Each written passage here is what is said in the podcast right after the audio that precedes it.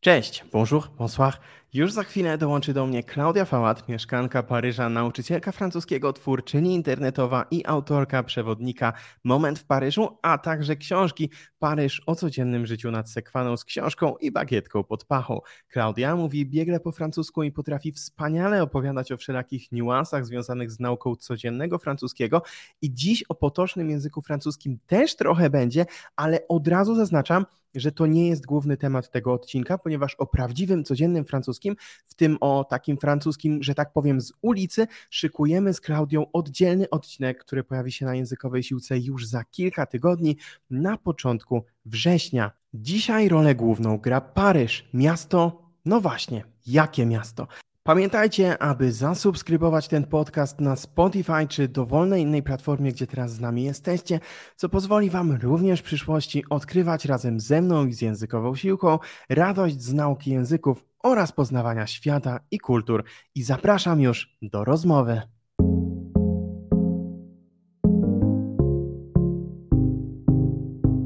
Cześć językowa siłaczko, cześć językowy siłaczu. Z tej strony mikrofonu Patryk Topoliński. Wierzę, że nauka języków może być przyjemnością, a to jest podcast Językowa Siłka, w którym wspólnie odkrywamy radość z nauki języków i udowadniamy, że żaden język nie jest obcy.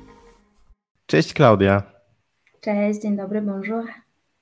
Bonjour, bonsoir, e, w zależności od tego, kiedy tego oczywiście słuchacie. Słuchaj, zapytałbym, jak tam w Paryżu, gdyby nie to, że z tego co wiem, to aktualnie e, nie jesteś w Paryżu, tylko, e, tylko przez moment w Polsce. Słuchaj, czy to przypadkiem nie jest z okazji premiery Twojej książki o Paryżu? Jest, zgadza się, tak. Faktycznie 28 czerwca do Empiku wchodzi moja książka o życiu w Paryżu. No i chciałam koniecznie tego dnia być w Polsce faktycznie, żeby postawić swoją stopę w księgarniach i, i dotknąć i zobaczyć moje dzieło na półce. Okej, okay, no w sumie e, każdy, kto tego słucha, już słucha tego po tej dacie, więc e, z pewnością można się właśnie udać do dowolnego punktu, gdzie taką książkę można nabyć i sobie ją, i sobie ją zakupić. Nie mamy jej tutaj teraz, żeby ją pokazać, ale uda nam się na pewno w montażu gdzieś taką grafikę tutaj wrzucić, żeby pokazać, jak ona wygląda. Ok, czyli trochę z winy Paryża nie macie teraz w Paryżu, e, dlatego e, zapytam w inny sposób, co teraz wylatując z Paryża, tak jakby zabrałaś ze sobą? To znaczy, jak myślisz Paryż, to co myślisz? Jakiś taki ostatni, nie wiem, zapach przed wylotem, ostatni smak, ostatnie dźwięki, ostatnie obrazy? O Jezu, dla mnie Paryż chyba najbardziej to są e, ludzie, których tam mam, ludzie, których tam poznałam i którzy są mi najbliżsi, którzy tak naprawdę ten mój Paryż tworzą. E, wspólne wychodzenie do knajpek, do restauracji, wspólne jedzenie, wspólne rozmowy, ciepłe wieczory i, i frytki i wino. Czyli nazwa również podcastu, w którym teraz bierzesz udział, z tego co, z tego, tak co widziałem na Instagramie możemy zaprosić przy okazji. E, a tak e, przechodząc już e, stricte do Paryża, bo właśnie zdecydowałaś się, tak jak mówiłem we wstępie, w pewnym momencie swojego życia przenieść się do Paryża, czyli miasta, o którym wiele osób marzy, ale też jest na jego temat sporo stereotypów. I chciałbym Cię zapytać na początek, jakie były takie Twoje pierwsze wrażenia związane z Paryżem? Czy było jak we śnie, czy inaczej niż się spodziewałaś? Nie wiem, czy wiesz, czy bardziej to był vibe na zasadzie kadry serialu Emily w Paryżu, czy może nie było aż tak kolorowo?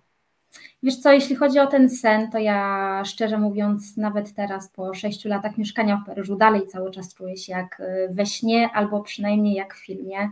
Właśnie dlatego, że to było moje marzenie zamieszkać w tym Paryżu i czasami, mimo tego, że jestem tam już długi okres czasu, to mimo wszystko nie dowierzam, że to się dzieje naprawdę. I pamiętam, jak przyjeżdżałam tam jeszcze kiedyś na początku turystycznie i tak zazdrościłam ludziom, którzy tam mieszkają, że też chcę tam mieszkać. I dzisiaj y, od kilku lat, tak jak już powiedziałam, to jest moja rzeczywistość, ale wciąż zdarza mi się pomyśleć, wow, to chyba jest jakiś sen. Natomiast jeśli chodzi o moje pierwsze takie wrażenia, czy, czy w ogóle jak ktoś zadaje mi pytania, czy Paryż spełnił moje oczekiwania, to ja ich w ogóle nie miałam. Ja faktycznie o Paryżu marzyłam, ale nie dlatego, że ja się naoglądałam filmów i naczytałam książek o tym, jakie to miasto jest idealne i świetne pod każdym kątem. Ja po prostu marzyłam o tym, ale w taki sposób dosyć oczywisty. Dla mnie, jak, kiedy zaczęłam uczyć się języka francuskiego i chłonąć trochę tę kulturę i, i w ogóle wszystko to, co otworzy ten język, no to dla mnie to był taki, taka wisienka na torcie, takie coś, co się po prostu musiało wydarzyć i aż trochę nie wierzyłam, że ktoś nie chciałby doświadczyć tego samego, nie? Jak ludzie ze mną studiowali filologię francuską i wydawało mi się, że, że każdy powinien chcieć jechać do Paryża. To jest takie, takie następstwo, taka, no może nie konieczność, chociaż dla mnie to była właśnie taka konieczność w sensie, że wiedziałam, że, że tam w końcu wyląduję, więc ja nie miałam żadnego takiego efektu, czy jakiejś takiej, e, wiesz, myśli, że Paryż mnie zawiódł, czy jest inny niż myślałam, czy jest taki, siaki czy owaki. Ja nie miałam żadnego wyobrażenia, ja po prostu chciałam to miasto poznać.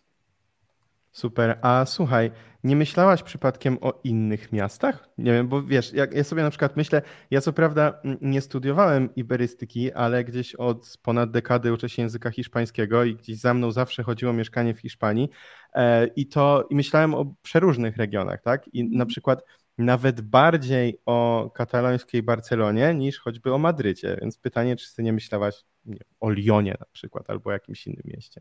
Mhm. Nie, w ogóle nie. I też e, faktycznie ludzi to czasami dziwi, że przecież Francja to nie tylko Paryż i jest dużo miejsc ładniejszych czy lepszych pod jakimkolwiek względem, ale dla mnie jakby zawsze klapki na oczach. Paryż, Paryż, Paryż to jest po prostu to miasto, które sobie wyśniłam, wymarzyłam i, i lubię sobie podróżować po Francji i chcę Francję jak najbardziej poznać, być może nawet kiedyś mieszkać w innym jej regionie, natomiast to od zawsze mhm. był tylko Paryż.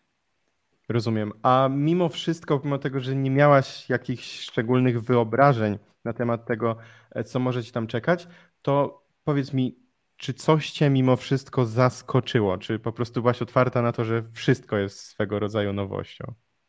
Byłam otwarta na wszystko, natomiast faktycznie e, zaskoczyła mnie jedna rzecz, która była taka najcięższa do zaakceptowania i ogarnięcia, i to jest e, znalezienie mieszkania. Mhm. To jest faktycznie coś, co było problematyczne. Wydaje mi się, że ludzie y, największy kłopot mają właśnie z tym. Więc właściwie taka kwestia organizacyjna, czy właśnie no, no znalezienie dachu nad głową i poczucie takiego zadomowienia się w nowym miejscu, to było najcięższe, to było, to było bardzo dużym wyzwaniem, ale tak naprawdę chyba jedynym, bo cała reszta, jakby całą resztę przejęłam totalnie z uśmiechem na twarzy i z pokorą i z taką świadomością, że po prostu to jest część Paryża. Nic innego mnie nie zaskoczyło, yy, tak jak właśnie fakt, że ciężko jest to mieszkanie w Paryżu dostać. A teraz po latach, kiedy, e, kiedy już znasz Paryż bardzo dobrze, jak e, oglądasz jakieś właśnie filmy, seriale, treści dziejące się w Paryżu, to uśmiechasz się pod nosem, myśląc sobie, hm, no trochę przekoloryzowane, czy, czy masz takie wrażenie, w sumie mniej więcej tak to wygląda? E, tak naprawdę i jedno i drugie, bo, bo z jednej strony Paryż naprawdę tak wygląda, tylko że nie tylko tak wygląda. Mhm. I wiesz, ja też rozumiem, że, że chce się pokazać te najładniejsze miejsca i te najfajniejsze, najciekawsze strony, no bo kto chciałby pokazywać coś brudnego, brzydkiego i śmiercącego. Z drugiej strony, wiadomo, Paryż, tak jak każde inne miasto, co ja cały czas powtarzam, bo właśnie mhm. to jest śmieszne, że Paryż tak jakby mamy nam się wydaje, że on jest inny niż inne europejskie miasta. Mamy do niego jakieś takie dziwne, silniejsze, mocniejsze wymagania i jesteśmy bardziej rozczarowani. Mhm. Wydaje mi się, że jak jedziemy do jakiegoś miasta i będzie trochę brudno, trochę syfiaście, jakaś kradzież tam się zdarzy, czy coś w ogóle negatywnego, no tak jakby okej, okay, to jest część e, po prostu miast tego typu, dużych miast, gdzie jest pełno ludzi, sporo turystów i po prostu takie rzeczy mają miejsce.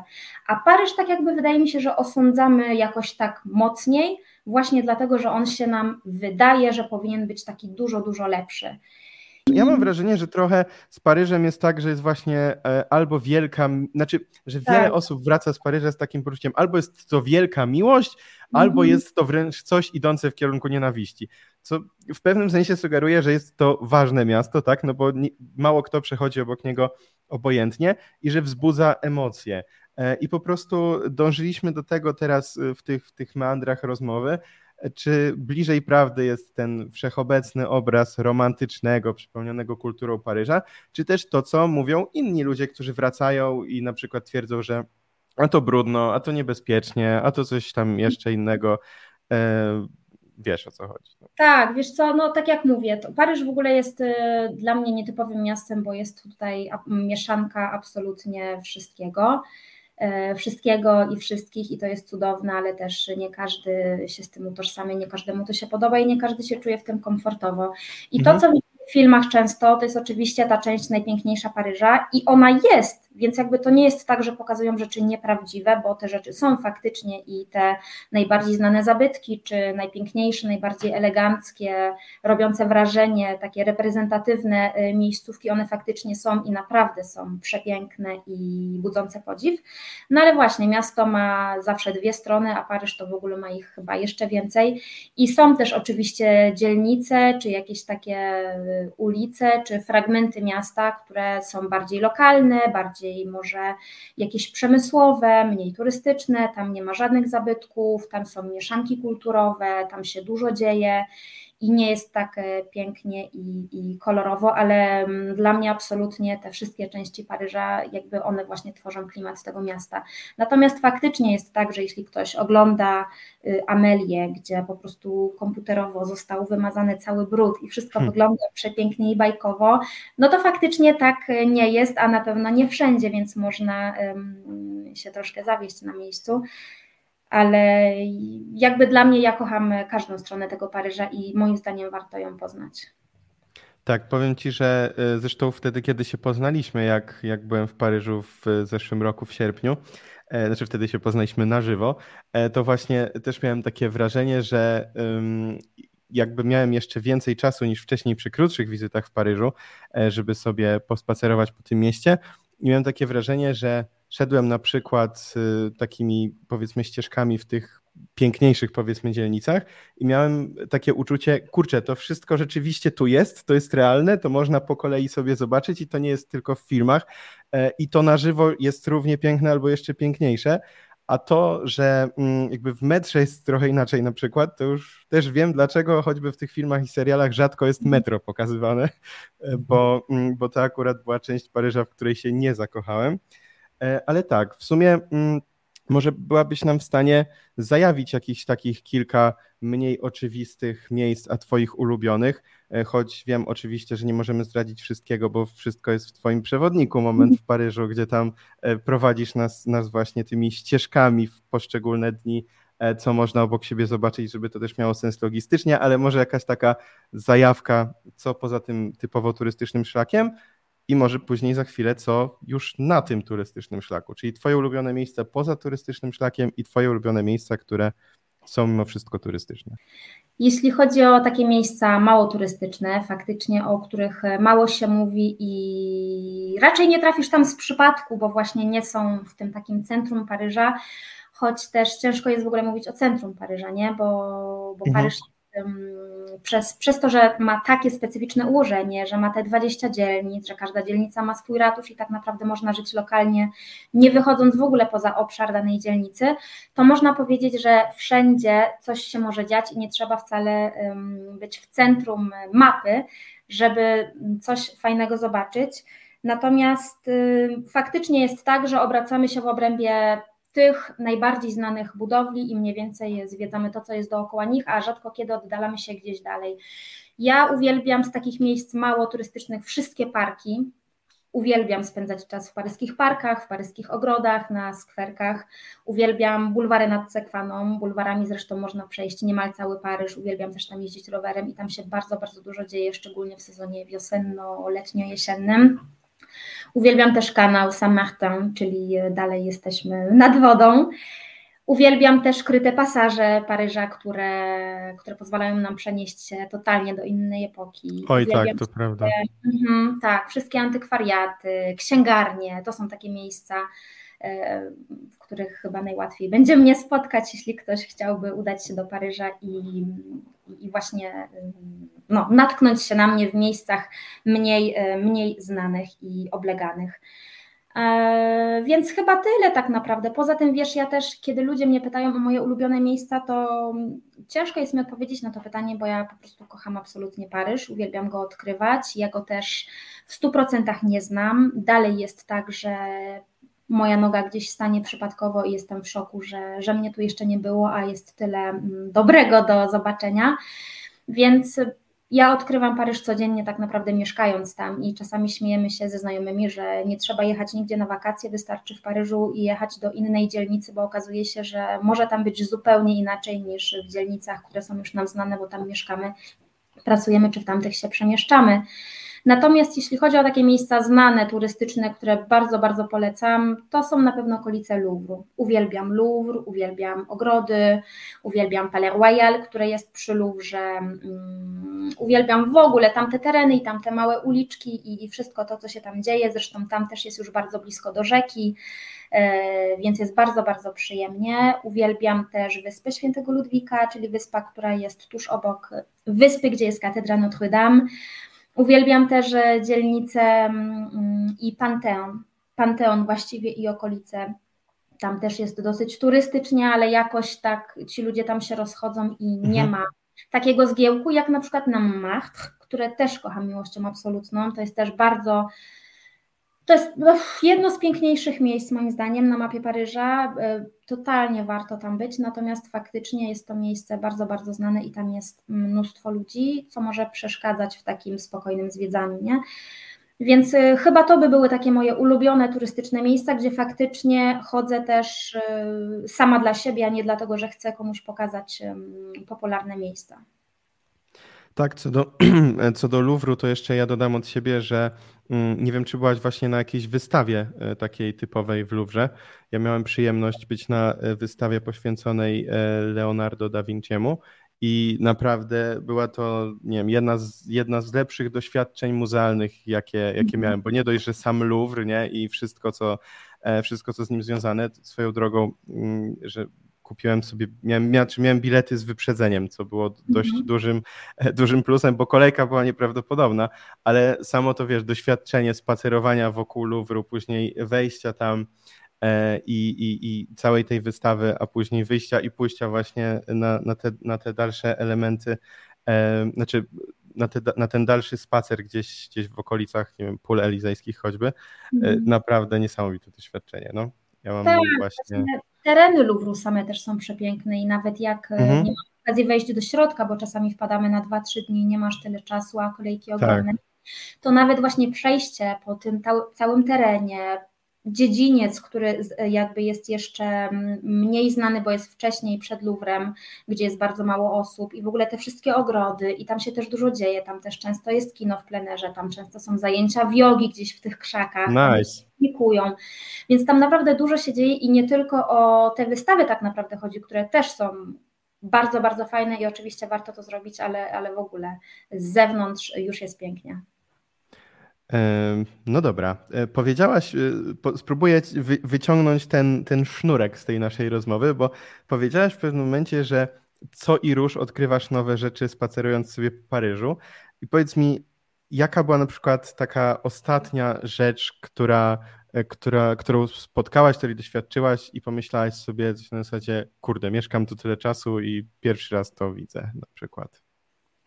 Wiesz co, to chyba nie będą jakieś takie spektakularne odkrycia, tylko to będą... Nie no, domyślam się, że zauważyłaś wieża Eiffla przez te wszystkie lata, ale może nie wiem, e, jakieś e, właśnie, właśnie mniej oczywiste rzeczy. Wiesz co? Albo jedna rzecz właśnie. Mhm. Nie, chyba, chyba tak teraz wyrywkowo nie uda mi się nic przypomnieć, ale z tego co, to znaczy nie z tego co pamiętam, tylko bardziej jak coś odkrywam, to nie jest konkretna rzecz na zasadzie wow, jakaś świetna galeria, której nie znałam, czy księgarnia, w której nigdy nie byłam, czy restauracja, której nie słyszałam, tylko bardziej jakaś uliczka, jakiś zakątek i to nawet nie daleko oddalony, że naprawdę moja noga tam nigdy nie, jeszcze nie stanęła i ja nie miałam pojęcia, że takie miejsce istnieje, tylko bardziej kręcę się w kółku w miejscach, które już niby znam, a nagle skręcę w lewo zamiast w prawo i, i okazuje się, że jestem w ogóle w jakimś innym świecie i jest przepiękna uliczka, przepiękny placyk, jakaś mała fontanna, dwie cudne knajpki i, i ty po prostu tam siadasz, to znaczy ja tam siadam i wiesz, i się gapię przed siebie i mam takie wow, znowu się czuję jak w filmie. Nieźle, fajnie, no, że można sobie tak odkrywać. Tak pamiętam z tej twojej, z tego twojego przewodnika takie jakąś uliczkę, która jest bardzo nieoczywista i można z niej zrobić takie zdjęcie do wieży Eiffla, z wieżą Eiffla, jak normalnie, jak wiesz, z okładki jakiegoś żurnala, a później się okazuje, że, że to jest uliczka, do której mało osób się, e, się udaje, bo jest nieoczywista. E, Dokładnie. Więc okej. Okay. E, słuchaj, dobra, to przejdźmy mm, do e, takich kwestii związanych z tym, jak się żyje w Paryżu. E, I może w sumie zacznę od bardzo otwartego pytania pod tytułem: Jak się żyje w Paryżu? Jak tobie się żyje w Paryżu? Wiesz co, mi się żyje genialnie w Paryżu i od, absolutnie od pierwszego momentu pokochałam to miasto. Y, czuję, że to jest moje miejsce, że, że to jest mój dom. Już od dawna nazywamy Paryż domem i, i na, ten, na, ten, na ten moment nie wyobrażam sobie mieszkać nigdzie indziej. Nie mówię, że nigdy, bo to różnie w życiu bywa, ale dzisiaj to miasto jeszcze ma dla mnie tyle do zaoferowania i ma tak niesamowitą energię, i tak niesamowity klimat. I, i dużo możliwości, i właśnie tych wspaniałych ludzi, których mam na swojej drodze, że, że polecam każdemu i mi się w Paryżu żyje cudownie. A słuchaj, jakie, jakie są takie codzienne wyzwania, z którymi musi się mierzyć mieszkanka, mieszkanie z Paryża, które na przykład są mniej oczywiste w innych miejscach, może miastach bardziej niż, niż krajach, może jakieś rzeczy nawet specyficzne dla samego Paryża w sobie? Wiesz co, no jeśli chodzi o takie wyzwania, to naj, największym wyzwaniem jest to, o czym już wspominałam, czyli właśnie to znalezienie mieszkania, przez to, że jest tyle osób, że są takie ceny i że trzeba mieć sporo różnych dokumentów, które pozwolą nam to mieszkanie znaleźć. Oprócz tego, czy są jakieś wyzwania, ja szczerze mówiąc tego nie czuję. Ja mam swój mały światek i nie czuję, żeby to miasto rzucało mi jakieś kłody pod nogi, a też nie potrafię szczerze mówiąc ocenić, czy jest inaczej niż w innym mieście, mhm. bo nigdy w innym mieście nie żyłam. Nie, ja jakby przyjechałam od razu do Paryża, od zawsze mieszkałam Jasne. tutaj, więc ciężko mi powiedzieć, czy coś jest inaczej niż gdzieś indziej we Francji. A największe różnice pomiędzy mieszkaniem w Polsce a w Paryżu? Wiesz co, chyba wolność. To mi się tak na pierwszy y, jakby to jest pierwsza myśl, którą mam, pierwsze słowo w ogóle, które mi się kojarzy właśnie z przeprowadzką do Paryża i z tym, e, jakie różnice widzę. Więc ta wolność faktycznie taka totalna. E, to, że w Paryżu każdy może być kim chce, w takim sensie też, że tam naprawdę zjeżdżają się ludzie z całego świata i to jest mhm. niesamowite, bo tam są wszystkie, ma się wrażenie narodowości, mieszanka wszystkich języków. Człowiek nie czuje się tak samotny, będąc w Paryżu, bo wystarczy wyjść na ulicę i się trochę wsłuchać, się zastanowić, ile języków słyszysz, i się okazuje, że no nie tylko ja jestem obca. Więc to daje też y, dużo motywacji mm, i, i takie właśnie poczucie, że nie jest się samym, mimo tego, że, że jest się samym na początku. Więc na pewno ta wolność i przede wszystkim ja miałam tak, zauważyłam taką różnicę, że w Paryżu można, czy w ogóle we Francji, no ale jakby odnoszę się tylko do Paryża, można mm, robić, wykonywać zwykły zawód, mieć zwykłą pracę, że mieć takie nastawienie, że praca to tylko praca, że wcale nie muszę się piąć po, wiesz, po drabinie, nie muszę mhm. awansować, mhm. nie muszę być po prostu y, jakąś liderką w korpo, a może mi się żyć dużo lepiej. Wiesz, że, że widzę, że z jednej strony mówi się, że w Paryżu jest, że, że ludzie się mega spieszą, że właśnie tylko ta praca i że są tacy zestresowani i wiecznie spieszący się i do tego nie mili, a z drugiej strony ja zauważam, że praca to jest tylko praca, a, a przerwa w pracy jest ważniejsza niż sama praca, że faktycznie się tam w tej pracy jest, ale, ale po pracy też jest życie i można nie być przemęczonym i można wychodzić i korzystać z uroków miasta. I można być na przykład kelnerem całe życie, można prowadzić butik całe życie i można sobie spokojnie za to żyć i mieć taki właśnie spokój. I, I, ja też miałam taką, zauważyłam właśnie coś takiego, bo jak mieszkałam jeszcze we Wrocławiu, to pracowałam w korporacji, a jak wyjechałam do Paryża, to poszłam do pracy jako kelnerka, więc to był taki mhm. Śmieszny zwrot, trochę może niespodziewany. Niektórzy mi mówili, że powinno być odwrotnie, że powinnam zacząć jako kelnerka, a skończyć jako pani pracująca w poważonej firmie. Ja zrobiłam zupełnie na odwrót. A co śmieszne, zaczęło mi się żyć dużo, dużo lepiej. Hmm. Niesamowite e, wszystko to, o czym mówisz. E, I w sumie to jest akurat fragment, który ja bardzo dobrze pamiętam e, z tych seriali, które się dzieją we Francji, czyli właśnie coś na zasadzie, że ej, ale teraz nie rozmawiamy o pracy, bo już nie jest praca, albo że jest weekend, więc, więc nie rozmawiajmy za bardzo o pracy. Mhm. Serio tak jest?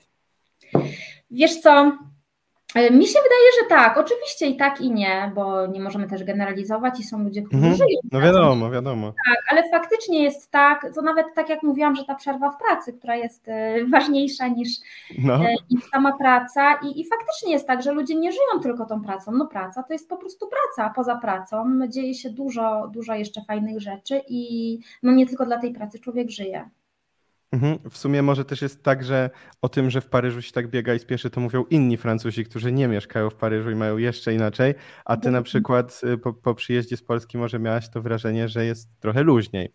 Mhm. Czyli może to jest jakaś, wiesz, taka drabinka, gdzie Paryż no jest no szczebel wyżej na, w luzie niż, niż my, a może są jakieś francuskie, wiesz, wioski w Prowansji, gdzie jest e, jeszcze 100 razy luźniej.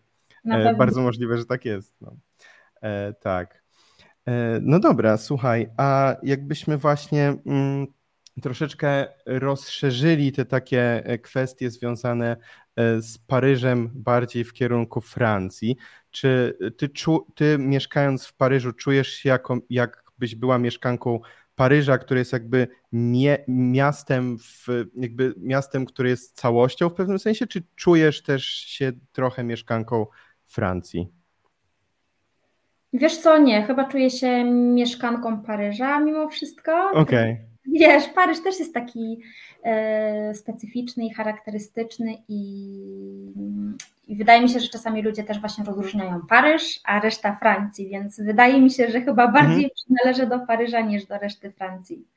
Nie wiesz, się zastanawiałem, bo też czasem się tak mówi w Polsce, że jest Warszawa i jest e, wszystko inne i często tak mówią e, osoby, które tylko w Warszawie przebywają i, i nigdzie więcej.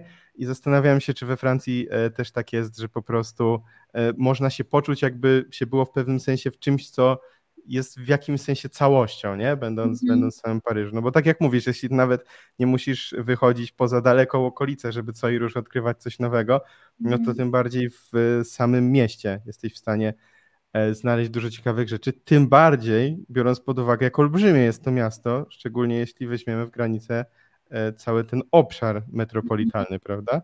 E, czy, czy tego też się doświadcza na co dzień, że tam mieszka właśnie, ile w sumie osób teraz mieszka w Paryżu, tak mniej więcej? Kilka, ja... kilka milionów, kilkanaście milionów? Jeśli chodzi o jakiekolwiek liczby statystyki, to po prostu moja pamięć jest mega dziurawa. Wiesz, samo, samo to 20 dzielnic Paryża nie jest aż tak duże. Zdaje się, że w ogóle Warszawa jest e, sporo większa niż te 20 dzielnic Paryża. Natomiast faktycznie w Paryż wchodzi nie tylko te 20 dzielnic, mhm tylko jeszcze te obrzeża. No i tutaj już jest kwestia sporna, czy to Paryż, czy nie Paryż. Niektórzy mówią, że tak, niektórzy mówią, że nie, ale na pewno z tymi pozostałymi strefami Paryża, gdzie dojeżdża jeszcze metro, czy jeżdżą takie miejskie pociągi, no to, to tego się robi bardzo, bardzo dużo. A czy się tego doświadcza? Zależy, gdzie się mieszka tak naprawdę. Dużo mhm. ludzi mieszka poza granicami Paryża, bo jest po prostu dużo taniej. Ja zawsze mieszkałam w centrum Paryża, nie wyobrażałam sobie musieć dojeżdżać, czy, czy po prostu być daleko od tego wszystkiego, czego chciałam doświadczać i po co do Paryża się wyprowadziłam. Natomiast mieszkając tam i mając znajomych i pracę i różne sprawunki do załatwienia, człowiek się przemieszcza jednak po tym mieście i na pewno odkrywa nie tylko ten sam środek. Tak, to prawda. W sumie, y, w sumie dobrze, że mi przypomniałaś o tym, y, że jest duża różnica pomiędzy tym, to u, u, uważa się tak, powiedzmy, stricte za Paryż, Paryż, a te okolice Paryża. Bo ja tak przyznam szczerze, że jak pomieszkiwałem właśnie rok temu przez parę tygodni w Paryżu, to ja byłem e, dosłownie w dzielnicy, która jest tuż przy Paryżu i tam mhm. dojeżdżało metro w jakieś, wiesz, 20-30 minut, coś takiego. I ja dopiero w którymś momencie się zorientowałem, przecież ja nie jestem już w Paryżu, nie? A mam wrażenie, że w wielu innych miastach jeszcze mimo wszystko moglibyśmy powiedzieć, że jesteśmy w tym mieście, no bo jak wiesz, jeśli wychodzę z mieszkania, wsiadam do metra i 20 minut później wychodzę pod Louvrem, no to y, trochę w sumie tak jakby się włącza w to, nie? Więc jest to mhm. prawda. Niesamowite, jak to jest cały świat w świecie, jeśli biorąc, jeśli, jeśli możemy mówić o Paryżu. E, wiesz co, zbliżając się już powoli e, do końca tego odcinka e, parysko-kulturowego, bo jeszcze to od razu możemy wstępnie zaprosić, zapraszamy też do części na temat języka francuskiego i też języka francuskiego w Paryżu i, i nie tylko. Mm, powiedz mi, czy jest może coś, bo to zawsze jest taki smaczek przy rozmowach o różnych miastach, czy jest jakieś danie, nawyk kulinarny, które szczególnie ci przy, przypadły do gustu, a może właśnie cię zaskoczyły, jeśli chodzi o Paryż czy szerzej Francję?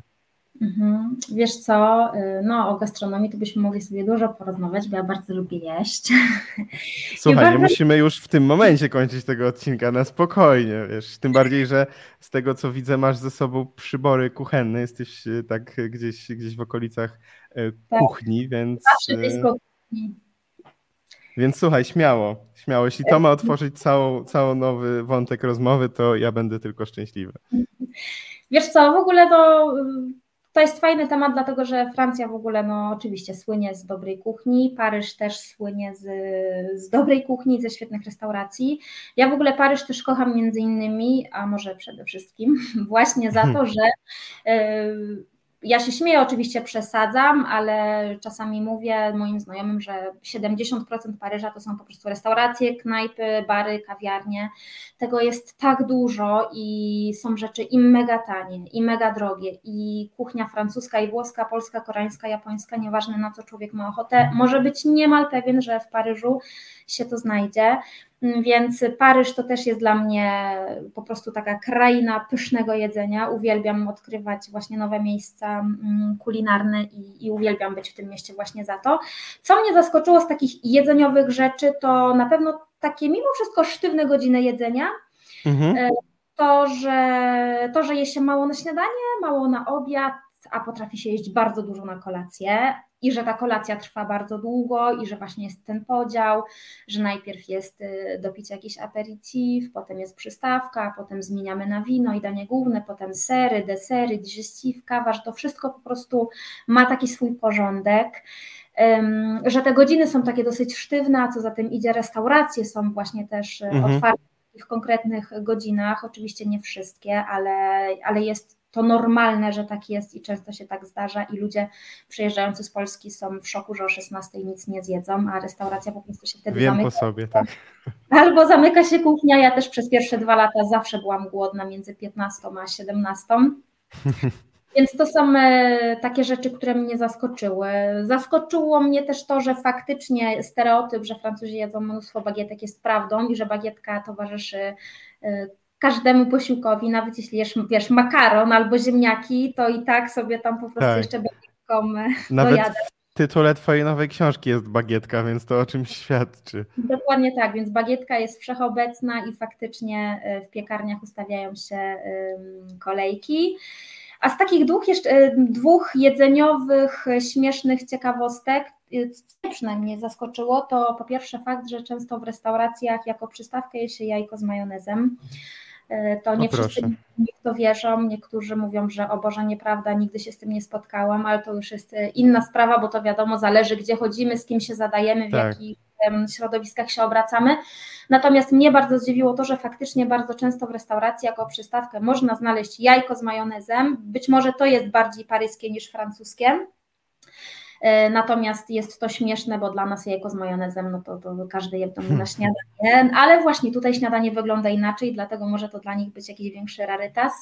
A drugie takie zdziwienie to, to jest le samuel, czyli taka kość, to jest szpik kostny i ja pamiętam, że jak pracowałam jeszcze w restauracji, to ta kostucha wielka była, y, jakby ją kładli na zupę i ja myślałam, że to jest mhm. ozdobne myślałam, że to się po prostu wyrzuca i to jest niepotrzebne coś, a jak zobaczyłam, że Francuzi to po prostu wyjadają ze smakiem, a później w innych restauracjach widziałam, że to jest normalna pozycja, że zamawiasz po prostu mhm. kość, sypiesz sobie sól, pieprz i chlebem to wyjadasz, to to było też dla mnie śmieszne, nie? że faktycznie to jajko w majonezie i ta kość i gdzie ta po prostu Francja elegancja i te wyszukane dania i wiesz, i, i po prostu wszystko takie mm, wyszukane, wymuskane, a tutaj się okazuje, że takimi, y, no, takimi prostymi, można powiedzieć, przysmakami też się Francuzi zajadają.